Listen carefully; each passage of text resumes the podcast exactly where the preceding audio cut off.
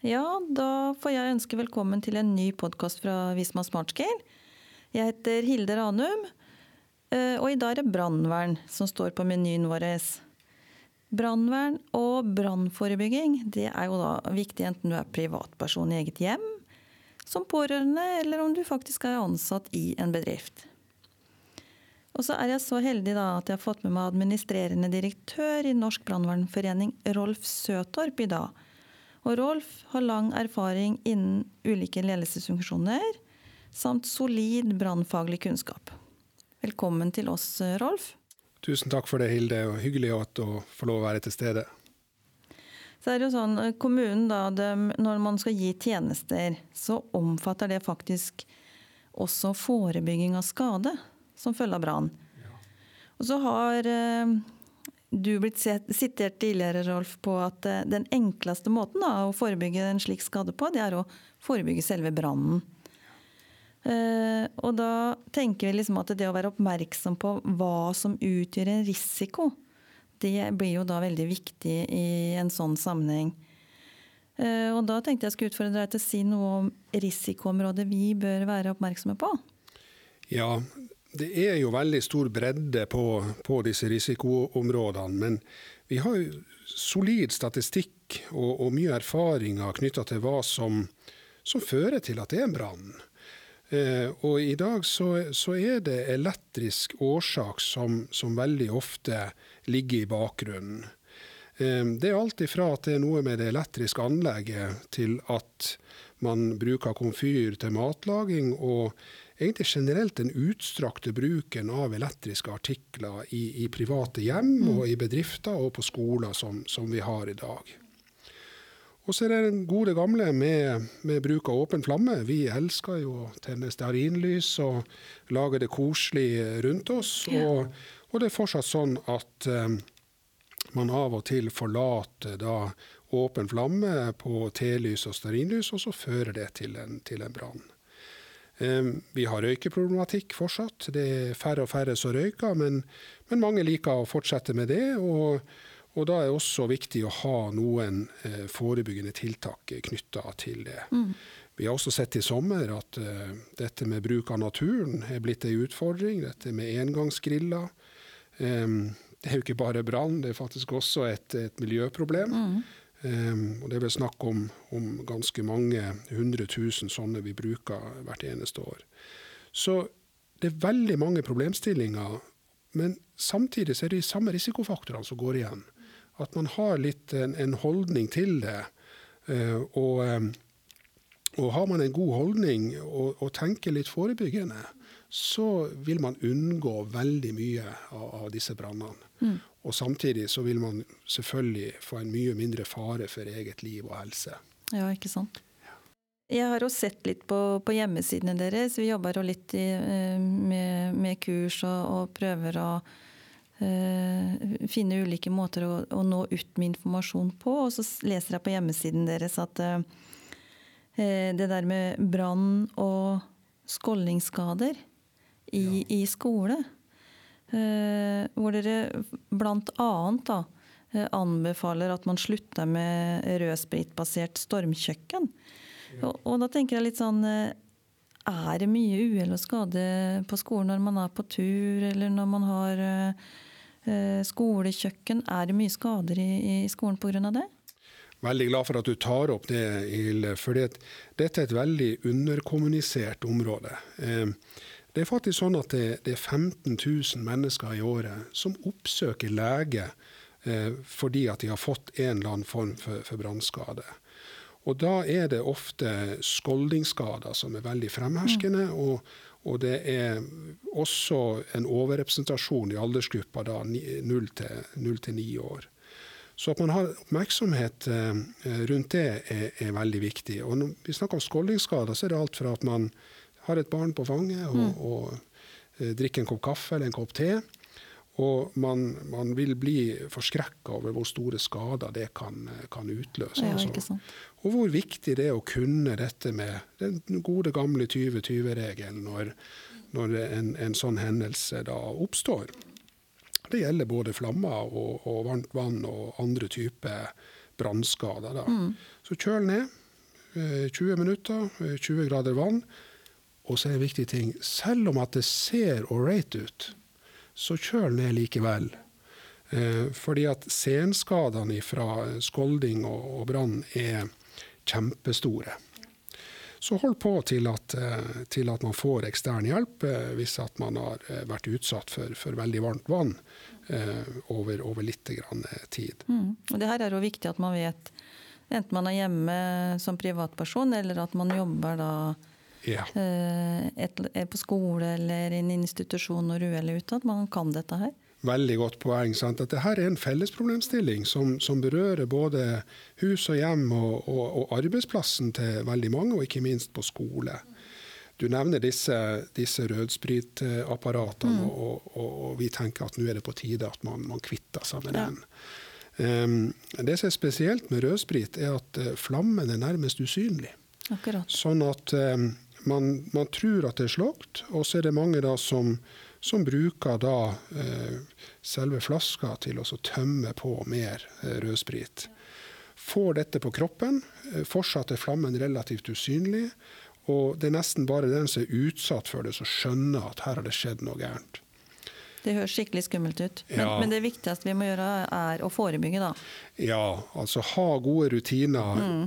Unngå den ting. Bytte ut rødspiseapparatene. Mm. Mm. Og så nevnte du jo en del andre risikoområder. Så det er tydelig at det er mange områder eh, som kan medføre risiko for, for brann. Eh, er det mulig å unngå alt det her med forebygging? Det som, som i hvert fall er mulig, det er også å etablere rutiner eh, og kunnskap, eh, sånn at man unngår skader på liv og helse. Mm. Og det er det aller viktigste her. Um, samtidig så kan man gjøre tiltak ved å kjøpe seg en komfyrvakt, for få kontrollert det elektriske anlegget, og så gjøre en risikovurdering i forhold til det virksomhetsområdet som man har ansvaret for. Om man står på skolekjøkkenet, eller man har sløyd og naturfag, eller man, man, er hjemme og skal lage mat, eller man er på en arbeidsplass eh, og skal se nærmere på risikoer der, så er det de samme faktorene som går igjen. Mm. Varsling, rømning, og at man, man, har hatt en liten øvelse knytta til disse tingene. Mm. Så da er det mye vi kan gjøre, og mye vi kan lære som vi kan ha med oss både når vi er på jobb og bringe det tilbake også når vi er hjemme, og tenke at eh, her, her kan jeg gjøre ting for å unngå at det oppstår noe. Ja, helt klart. Ja. Så det, det, det, det, er jo det som er litt fine med det, med vi snakker om. Det, gjelder ikke bare når jeg er ansatt og er på skolen eller sykehjemmet. Det er faktisk også når jeg er hjemme. Ja. Så hører jeg noe om at det er noen som har noen sånn nullvisjon i forhold til eh, brann? Ja, vi er veldig glade for det. Vi Brannforeninga har over lang tid eh, hevda det at det, det, er ingen grunn til at man skal eh, dø i, i brann i Norge i dag.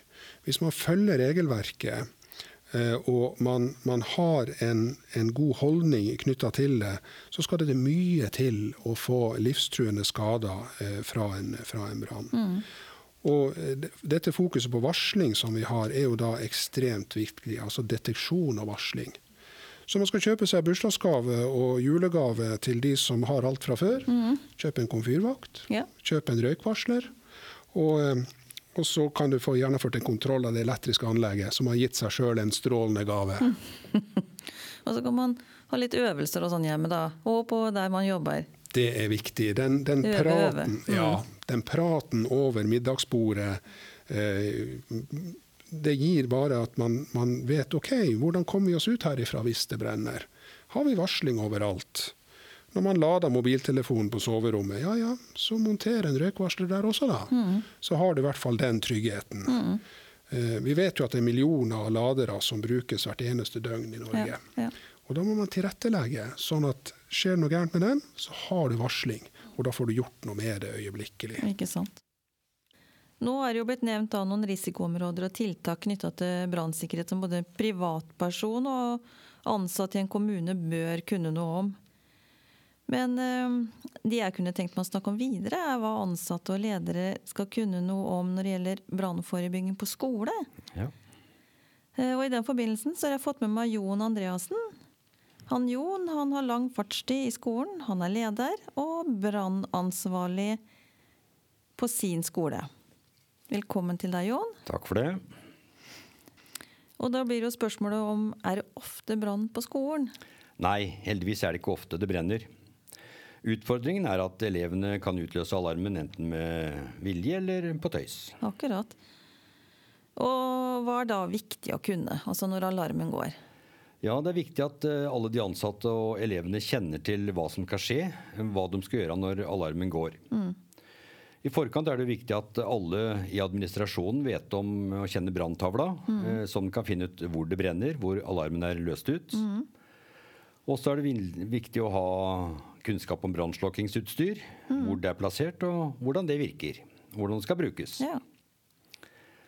Et annet viktig fokus er frie rømningsveier. Det er noe som vi opplever noen ganger, at elever har lett for å plassere syklene sine foran innganger. ja, ikke sant. Og det er eh, sånn som vi må prate med elevene om at eh, de skal alltid være frie. Så er det også viktig å vite hvor elevene skal eh, gå hen når alarmen går. Vi har valgt å ha faste brannrekker, slik at elevene alltid stiller opp klassevis, uansett hvor de kommer fra, hvilket rom eller hvilken gruppe de er på. Og så må læreren ha oversikt over hvilke elever som er til stede på skolen, og hvem som eventuelt er borte. Men er, er ikke det, kan ikke det være litt vanskelig, da? Oversikt over alle elevene som er til stede til enhver tid? Jo, det kan det være. For det hender jo at elever eh, går ut og forsvinner uten å gi beskjed. Eller har fått tillatelse for det. Og det er ofte den største utfordringen vi har ved brannalarm. Eh, Men når det brenner på skolen, hva er da oftest årsaken til det? Ja, som sagt så er det sjelden det, det er virkelig brann hos oss, men Ja. vi har opplevd det et par ganger, og begge gangene så er det påtent av elever. Akkurat. Og det er kanskje vanskelig å eh, forebygge det da, når det er elevene som, som gjør det? Ja, det er eh, alltid en utfordring, det. Vi har hatt brannvesenet hjemme, hjemme på skolen mm. for å fortelle hva som eh, skjer når brannalarmen går. Ja. Om det er eh, Hvis de er ute på et annet oppdrag, og hvilke ressurser som settes inn når det er brann på en skole. Da, for da er det full utrykning på alle nivåer. Ikke sant? Så det er viktig at elevene vet litt hvilke konsekvenser, som, Konsekvenser, ja. som det er. Ja, Ja, det. Mm. For brann er liksom et prioritert område. Og det er klart at Nå har vi jo snakka her eh, om en del sånne risikoområder og det å, å forebygge og alt sånn, og så blir jo det her litt, litt vanskeligere å forebygge, annet enn å prøve å motivere elevene til å skjønne at eh, eh, det her får konsekvenser, og det her kan Selvfølgelig. Ja, Og det er med holdningsskapende arbeid Ja. er viktig på dette området Ja, som en del andre områder. ja, ikke sant? Har du noe erfaring i forhold til brannvern på skole, Rolf? Ja, eh, vi har vel De aller, aller fleste av oss har jo hatt, hatt barna på, på en skole. Og de gir veldig mye god informasjon om, om hvordan de håndterer risikoen hos seg. Eh, Det er jeg veldig glad for. Eh, Samtidig så ser jeg jo at mange av disse skolene er gamle. Eh, De har vært eh, ombygd kanskje flere ganger. Og, og da er det utrolig viktig at man gjør konkrete vurderinger i, fra, i forhold til den enkelte skole, og ikke bare bruker generelle Ja, bestemmelser. ikke sant? Og, eh, og dette etterslepet i sikkerhetssystemer, ja, OK, det øker risikoen litt. Og samtidig så er mitt inntrykk av at rektorene og lærerne tar dette på alvor. Eh, og um, de gangene brannalarmen går, så har jeg sett også at de har gode rutiner.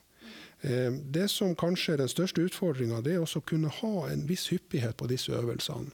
Lære seg å lese branntavler. Og dette med å, å få kontroll over ungene. Mm. Vi har jo skoler i dag, barneskoler med opptil 1000 elever. Og klart at eh, jeg anerkjenner at det er en enorm utfordring. Ja, vi hørte jo eh, Jon si litt om det i forhold til å ha styr på alle elevene. Ja. Og når de kommer opp i en litt viss alder, så kan det vel hende at de stikker av. Og det, det er mange utfordringer knytta til det, da. Ja. Så mitt inntrykk er at de, de generelt er flinke. Mm. Eh, og så er det å, å, å, holde fast på de gode rutinene og gjennomføre øvelsene. Eh, og, og, passe på at disse anleggene som skal sikre mot eh, si, store konsekvenser for elever og lærere og, og bygning osv., at de er i orden. Mm. Da kan vi begynne å avslutte litt her. og da tenker jeg at det, det vi eh, konkluderer med, da, Rolf, det er at eh, det aller viktigste man kan gjøre, det er å forebygge sånn at ikke brann oppstår.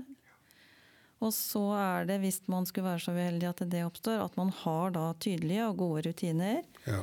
Nok kurs og opplæring. Og ikke minst nok øvelse, sånn at man er sikker på at man gjør de riktige tingene at brannalarmen går. Ja.